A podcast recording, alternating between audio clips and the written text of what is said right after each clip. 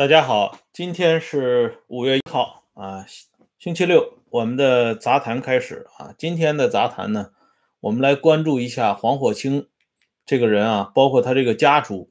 和这个李鹏这一家人他们的历史渊源啊，就是说了解这种啊家族网络对于我们解开现当代史啊研究过程当中的一些啊。不太容易打开的谜团是一把很好的钥匙啊！不仅是研究现当代史，就是研究古代史，这个家族网络呢，也是重要的切入点。那么今天呢，我们先来看一个上将军，此人呢叫周桓，一九五五年被授予上将军衔，后来担任过沈阳军区政治委员和辽宁省委书记处书记。今天呢，讲他是因为当时有一个重要的事情啊，跟他有关系，就是在上个世纪六十年代的时候，呃，中央呢曾经有过一个重要的通知，就是出版毛泽东著作要用非常好的纸张啊，原来出版的那些，比如说用纸比较粗糙的那些，都要回收并且进行销毁，这样呢。辽宁当时呢，曾经销毁了三十万本啊毛泽东的著作，这件事情在文化大革命当中就被揭发出来了，啊，烧掉《毛选》，这是一个非常大的罪名。在这个时候呢，呃，主要的责任人就落到三个人的头上，一个呢是黄火清，第一书记嘛；第二个呢是黄欧东，黄欧东是第二书记兼省长；第三个人呢就是我们昨天提到的李荒。这三个人当时受到啊围攻，就是让他们交代是你们谁批准烧毁伟大领袖的著作的啊？这样呢，黄欧东不吱声，啊，黄火清也不知道是谁批准的，谁批准的？这个时候只有李荒站了出来，啊，李荒老人呢就说，如果啊找不出。谁批准的，那就由他一个人来承担。后来到了中午的时候，大家终于查出来了，是周桓批准的。就是说，在历史的关键时刻，就是李荒这个人站出来，啊，替黄欧东、黄火清解了围了。尤其是替黄火清解了围，因为黄火清是第一书记嘛，啊，责任是最大的。所以从这个角度来看，啊，这李荒这个人。当初毛泽东选他主持辽宁省委的工作是有一定道理的，可惜呢，李荒这个人不爱出头，所以呢，这件事情也没有办成。哎，那么接下来我们看毛泽东和黄火清他们之间的关系啊，啊，是一个很有意思的过程啊，就是说了解这个黄火清家族的，大家都知道啊，这黄火清家里的这个孩子啊，有些孩子他们这四私下里啊，在背后呢。对毛的评价跟官方的评价是不一致的，甚至呢有些不太恭敬。这一点其实呢不足为奇，因为跟黄火清本人有直接的关系。黄火清啊，在天津市用的很多人其实都是罗瑞卿这个线上的，包括我昨天说的万小堂，还有后来的这个王抗之啊，这些人都是跟这个罗瑞卿有一定的关联的。说白了呢，也都是。察言观色，看伟大领袖的喜好程度来定啊。黄火清到了辽宁之后呢，呃，大刀阔斧的开始搞这个政治斗争，实际上也是秉承了伟大领袖的意图。但是领袖对黄火清的使用上边呢，按照黄火清自己的逻辑来讲，不是重用，因为后来重新成立东北局以后呢，黄火清没有进入到东北局的书记处里边。啊，更没有同这个欧阳钦和吴德这样的啊并驾齐驱，因为吴德和黄火清当初在这个热河的时候，大家是差不多的位置，而且在天津市呢，黄火清的位置是高于吴德的。可是到了东北局之后呢，吴德他们的这个位置呢，反而在黄火清之上，所以黄火清呢，你说他一点想法没有，这个恐怕是不可能的。更主要的是，在整个文化大革命当中，这黄火清被收拾的很很厉害啊。呃，当时折腾他的这些人呢，把他就是基本上是要把他搞死。这个时候，黄火清就想到领袖了，他甚至呢还写过什么梦见啊主席这类的诗词啊，来寄托自己对领袖的啊这种盼望，希望领袖出援手来救助他啊，伸出援手来救助他。可是呢，这个领袖那个时候也特别忙啊。更主要的还有这么一个，中间有这么一个过程，就是一九七五年以后啊，黄火清呢从沈阳搬回到北京，住在中央组织部的招待所，在厂桥啊。呃，当时呢，辽宁方面就已经决定啊，把这黄火清解放出来，让黄火清担任省革命委员会副主任。最初的想法是让他担担任丹东的这个。呃，党务系统的一把手，当这个市委书记。周恩来在北京呢也发了话了，说黄火清到底有什么问题，查清楚没有？如果查清楚了，是不是可以站出来啊？但是这个话题呢没有回应，这说明呢，当时负责中央专案工作的两个主要人物姬登魁和汪东兴没有拿到圣旨，所以汪东兴这他们的这种态度呢？自然不可能对周恩来说的这个话有所回应，而黄火清对于安排他担任辽宁省革命委员会副主任这个位置呢，不知道什么原因他没有去，所以那个时候有些老同志就说他黄火清说黄火清缺心眼儿，说有这么个机会就赶紧先站出来。不知道黄火清本人是否是不愿意再回辽宁工作，还是对自己未来的位置有更大的期盼。总总之呢，他在这个时候给伟大领袖写了一封信，啊，就是那个意思，他身体还可以，啊，这个身体恢复的也还不错，啊，可以出来这个工作，啊，有没有这种机会给他一个？但是这封信写了之后呢，毛没有回音，啊，是专门通过汪东兴转上去的，想必呢，毛应该能够看到这封信，但是毛为什么没有回信？这个事情恐怕也成了一个谜了，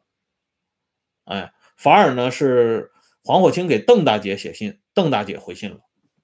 所以在黄火清的回忆录当中啊，周恩来的去世、朱德的去世，黄火清都有一个表示哀悼的表示啊表现，特别是周恩来的去世啊，黄火清回忆自己甚至掉下了眼泪，可是唯独对毛的这个去世呢，黄火清一个字都没有提。啊，这以前我在讲黄火清的时候还提到这个细节，所以他的这种对毛的情绪势必会影响到他子女。因此呢，在这个一九七八年，呃，黄火清被正式任命为最高人民检察院检察长，以及后来担任两岸审理小组副组长。当时胡耀邦呢是力推啊黄火清的。这个黄火清和胡耀邦之间的话题，我们一会儿会专门讲到啊，以及后来担任特别检察厅的厅长，黄火清对于审理江青这个案子特别卖力气。江青当年说过话啊，他说实际上主席对这些老同志们都是有感情的，比如黄火清，主席就让他当了中央党校的秘书长，这是江青在文化大革命时候说的话。但是江青说的这些话。在法庭上当然就不管用了。黄火清在审理这个两岸过程当中呢，是非常卖力气的啊，也是他这个晚年一个重要的业绩之一。按说呢，他在担任最高检负责人这件事情上，啊，一九七八年五月份啊任命他的，这个时候老邓呢权威还没有那么大，因为没有开三中全会嘛，哎。但是黄火清对邓小平啊却是特别的关系特别好啊，他对邓呢是亦步亦趋。黄火清晚年的很多言行啊都是以吹捧邓啊为核心的，比如说在黄火清这个父子之间他们的争论，黄火清和他的儿子黄义成他们之间有争论啊，关于这个改革开放过程当中的一些问题。一些看法，他们有不同意见，但是黄义成自己回忆啊，他说只要他引用啊邓小平的话，黄火清就不吭气儿了。这说明呢，黄火清对邓这个感情是很深的，啊，感情深也是有原因的，因为由于邓的拍板呢，黄火清进入到中央顾问委员会担任常务委员，这个位置呢，实际上是相当于中央政治局委员的待遇，啊，而且黄火清本人呢，还可以列席中央政治局会议，啊，你比如说东北啊、黑龙江啊、啊这些地方。要提拔一些重要的干部进入到省委常委班子的时候，黄火清是中央派的考察组的重要成员。就是说，黄火清说句话，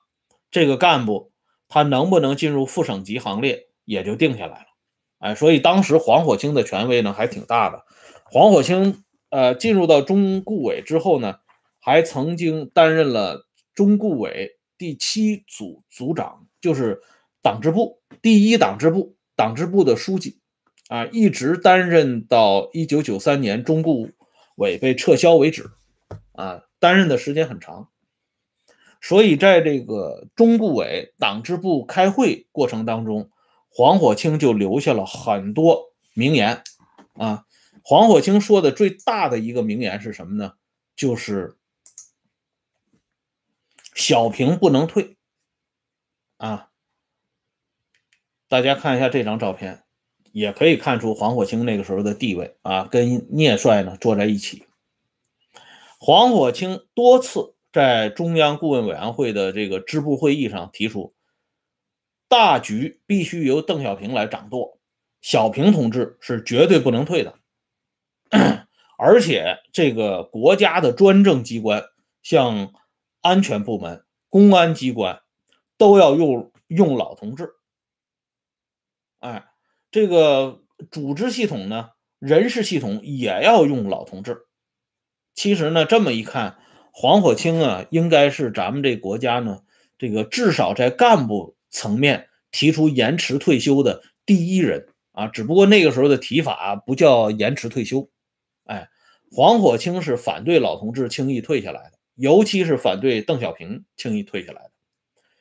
啊，应该说呢，这个胡耀邦对黄火清一直是挺照顾的啊。当初在审理两岸期间，啊，两岸这个审理小组的组长是由胡耀邦来担任，但是胡耀邦当时是坚决推举黄火清来担任组长，黄火清呢也没好意思啊，就是还是请这个胡耀邦来担任组长。可是后来却发生了这样的事情。我们都知道，一九八七年一月十二号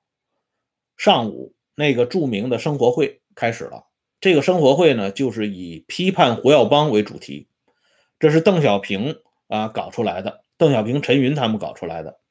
呃，主要的这个负责呢是赵子阳、薄一波、杨尚昆啊、宋任穷、胡启立这五个人。其中呢，薄一波是唱主角的，薄一波主持会议。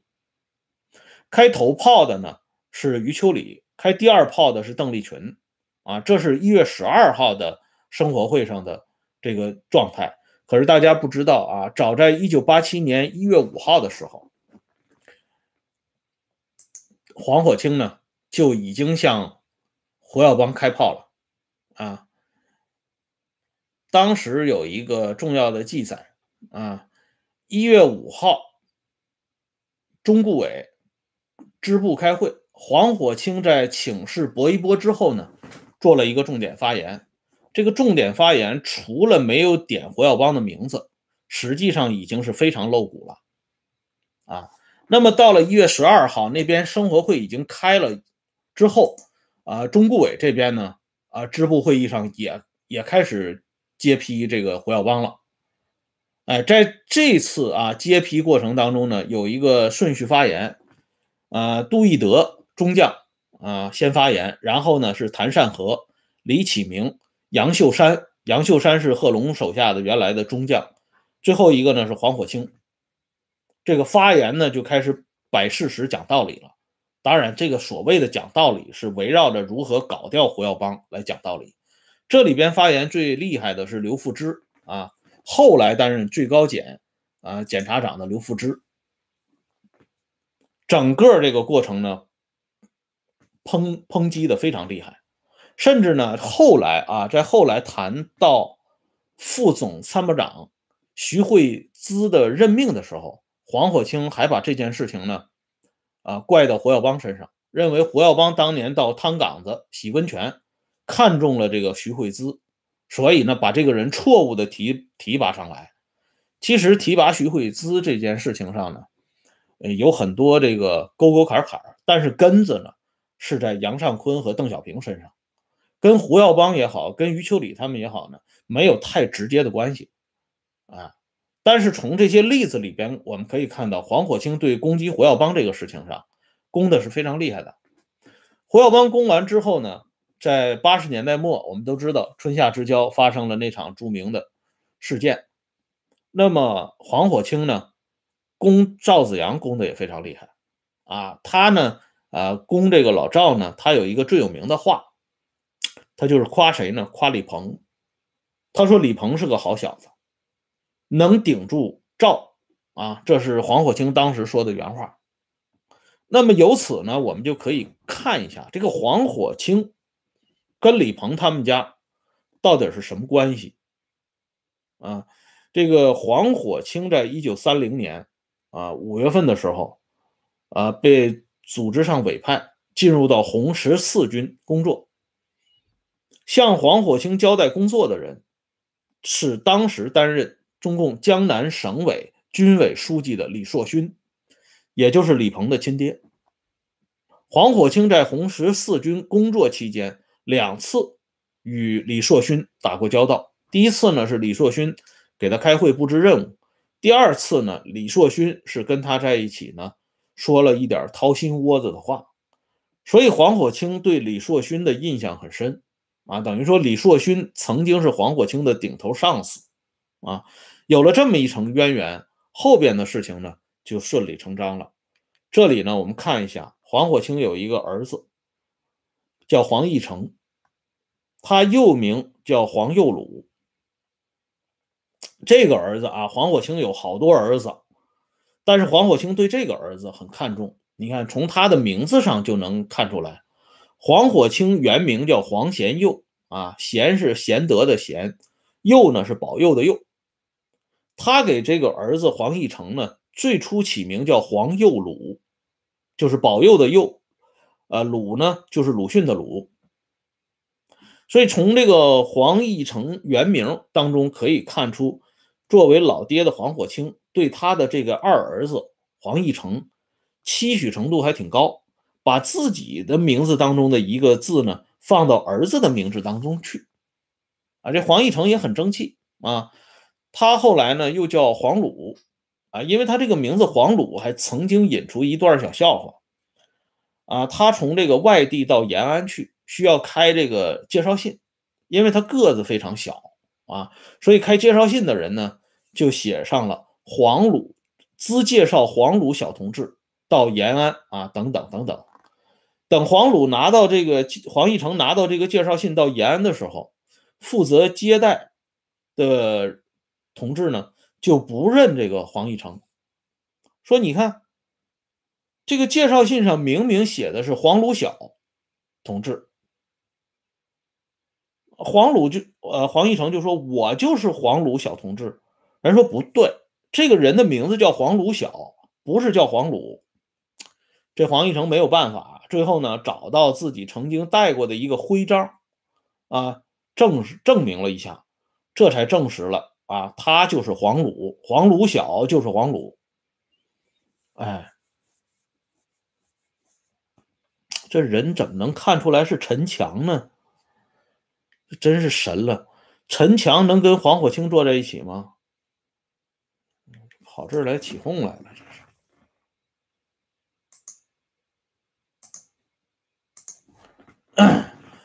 这黄义成呢，就是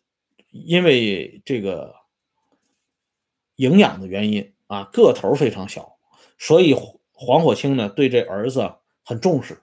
专门请当时延安的最高权威、医学界的最高权威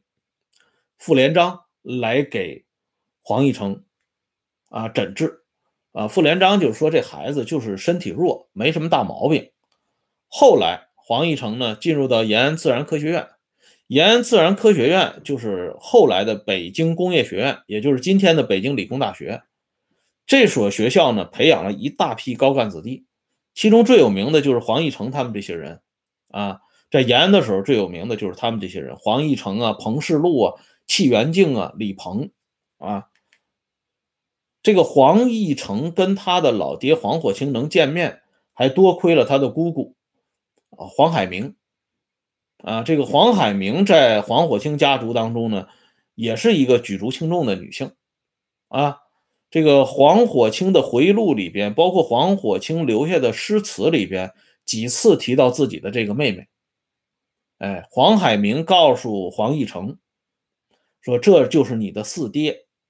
这个黄火清家族呢，人员比较庞大，按照这个旧中国的习惯呢，是讲大排行。这个黄火清大排行是排老四，所以大家都管他叫四爹啊。这个黄义成一开始还不太敢认这个黄火清，但是黄火清对自己的这个儿子非常喜欢，带着黄义成去打猎。黄义成和他的同学戚元敬，这个戚元敬、黄义成还有李鹏，在上个世纪八十年代被称之为能源系统的三剑客，这是三个担任过部长的高级干部。戚元敬呢是担任过冶金部部长，这个人呢很可惜啊，死的比较早一点，大概只有六十五岁就死死了。戚元敬有个姐姐很有名，是中央特科的这个情报人员，叫戚元德。他有个姐夫就更有名，中央交通局局长吴德峰，后来担任最高法院副院长的吴德峰。我在中央特科的系列里边专门讲过吴德峰。呃，所以这个戚元敬呢。跟黄义成他们的关系很好，跟李鹏的关系都很好，啊，戚元敬有一次啊，因为这个身体不舒服住院，黄义成呢还专门去看望戚元敬，两个人呢还互相开了个玩笑，啊，黄义成说：“你这个病啊，最好不是那种啊，最可怕的那种病，啊。”戚元敬呢说：“这这根本不可能。”可是话音未落。有人就告诉黄义成，说国务院的领导同志呢来看望戚元敬同志了。这黄义成一听，心里当时就沉下来了，因为他们都知道啊，他们这些高级干部都知道，这个大领导要是来看望这个病中的某一位高干的话，说明这个高干呢可能要不行了。啊，要不然大领导轻易不会出现的。你像这个，我们之前讲陈修良去世前一个月啊，老姜去看望他，哎，还有的人呢，在弥留之际，大领导出现握握手啊，包括我们说过的王树声啊等等，这些例子很多很多。所以黄一成的这个预感很准确。大领导看望戚元敬不久之后呢，戚元敬就人就没了啊。这黄一成还有个同学就是李鹏了。黄义成、戚元敬，他们当时的校长呢是李强，后来担任过国家外贸部部长。这个李强对这个李鹏呢挺喜欢啊。有一次遛弯的时候，李强看到李鹏说了一句话，说：“你小子提的问题啊都很尖锐，思考的很深刻。”哎，说明呢，在延安时期啊，李鹏。啊，作为烈士的遗孤，已经受到一些这个高级干部的啊重视。他后来被提拔起来呢，不是偶然的。那黄火清这个家族呢，跟李鹏这个家族的渊源，从这个黄火清算起，到黄义成，黄义成的老伴郭京啊，退休之后呢，从这个呃国家经委的这个局长的位置上退休之后，又到华能下边的商贸部门担任过一段时间的董事长。哎，就是说，黄火清和李鹏他们家呢，就是父一辈子一辈，基本上是这么一层关系。哎，而且呢，这个黄火清家族呢，它有一个重要的特点，什么特点呢？长寿。黄火清的老母亲呢，叫姓张啊，叫张同琴，这个老太太很厉害。这老太太呢，是一直活到公元一九六二年，就是黄火清在辽宁主政的时候，所以老太太呢，这个墓地呢就安葬在沈阳的北陵，就是皇太极的那个昭陵那个地方。据这个以前我的一个老前辈，也是黄火清他们老家枣阳的，呃，一个老同志介绍，黄火清的亲妈，这老太太有这么一段故事啊，这是家乡人这个讲过的一段故事，说这老太太很厉害啊，这老太太呢，据说还懂一点风水啊，她当初呢，这个葬在沈阳，而没有回到老家枣阳去安葬，她跟黄火清有一个交代。说呀，这个市面上不平静，啊，把他呢就葬在啊沈阳，不要葬回老家，跟他父亲黄启成葬在一起。黄火清就问老太太为什么，老太太说呀，你就按我说的办。如果将来有这个不测的这个风险的时候，你爸爸黄启成的那个坟墓只要不动。咱们祖上留下的风水就不会被破坏，啊，动我老太太没所谓，我老太太生前就不怕死，这老太太生前确实不怕死。国民党呢，曾经因为黄火清一家不少人参加革命，就把这张同勤老太太给逮去了。老太太直接就告诉国民党，说我儿子、我孙子都是共产党，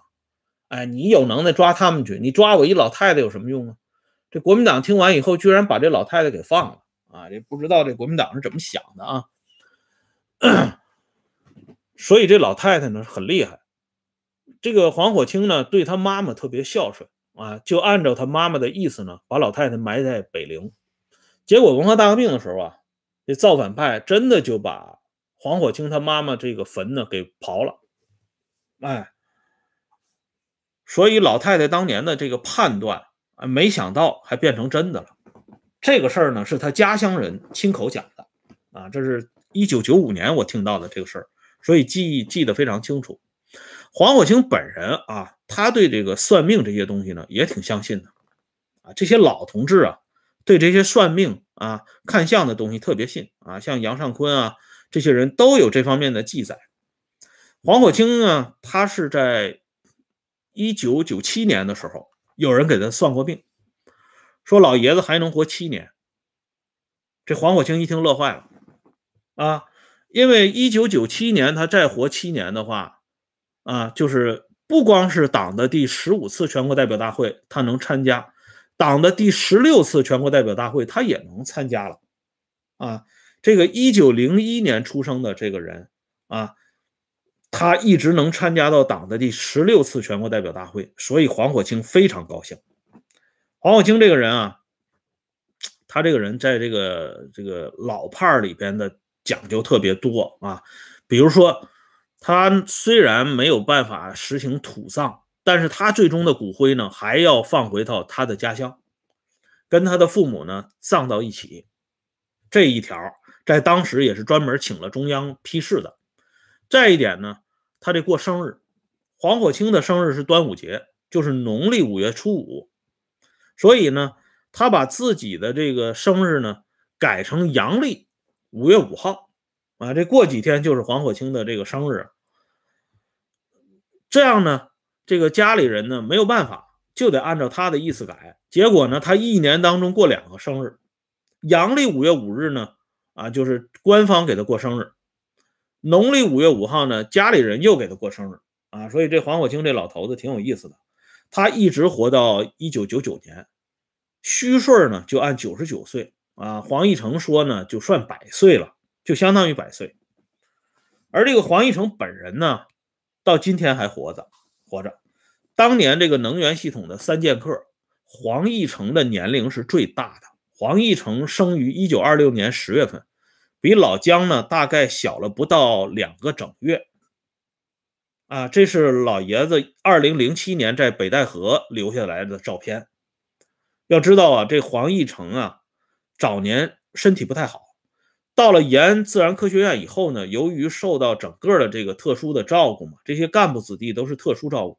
所以他的身高呢一下子就蹿起来了。后来身体就一点一点好起来了，但是他晚年呢做过心脏的搭桥，搭过四次，啊。但是活到今天，身体仍然非常好。戚元敬六十五岁没了，李鹏呢，前两年终于活到九十岁，但也提前就是提前于黄义成就走了。黄义成现在等于说跟老姜赛跑，看他们哥俩谁走到前边去。这黄义成这个人也是一个非常有意思的人啊。这个人的特点就是非常聪明。李鹏呢，在水电部部长这个人选问题上，李鹏是内举不避亲呢，就推荐自己的同学黄义成担任。但当时呢，过会的时候没通过。后来黄义成还是担任了能源部部长，算是如愿以偿。黄义成这个人啊，他是支持建这个三峡的，因为他跟李鹏的这个关系嘛，他也必然支持建三峡。可是呢，人前人后。他很少让人知道他是支持建三峡的，而在他晚年留下的回忆录里边呢，却有一大段描写是专门夸这个赵子阳的。按说李鹏的这个发小啊，李鹏的好哥们儿，居然在回忆录里边这个夸赵子阳，这是一个挺让人匪夷所思的地方。而这个呢，也恰恰是黄义成这个人非常得窍的地方。就是这个人非常聪明的地方，哎，这个人不仅长寿，而且非常聪明，啊，这是黄火清的第二代，啊，那黄火清的第三代、第四代我们就不用太多的介绍了，因为黄火清和他的这个第二代是大家比较熟知的人物，所以呢，通过这两期节目给大家做了一个整体的介绍，哎，好了，今天呢，咱们这个节目就说到这里，感谢朋友们上来收看收听。欢迎大家关注“温相说时政”会员频道，周一到周五每天都有更新。再见。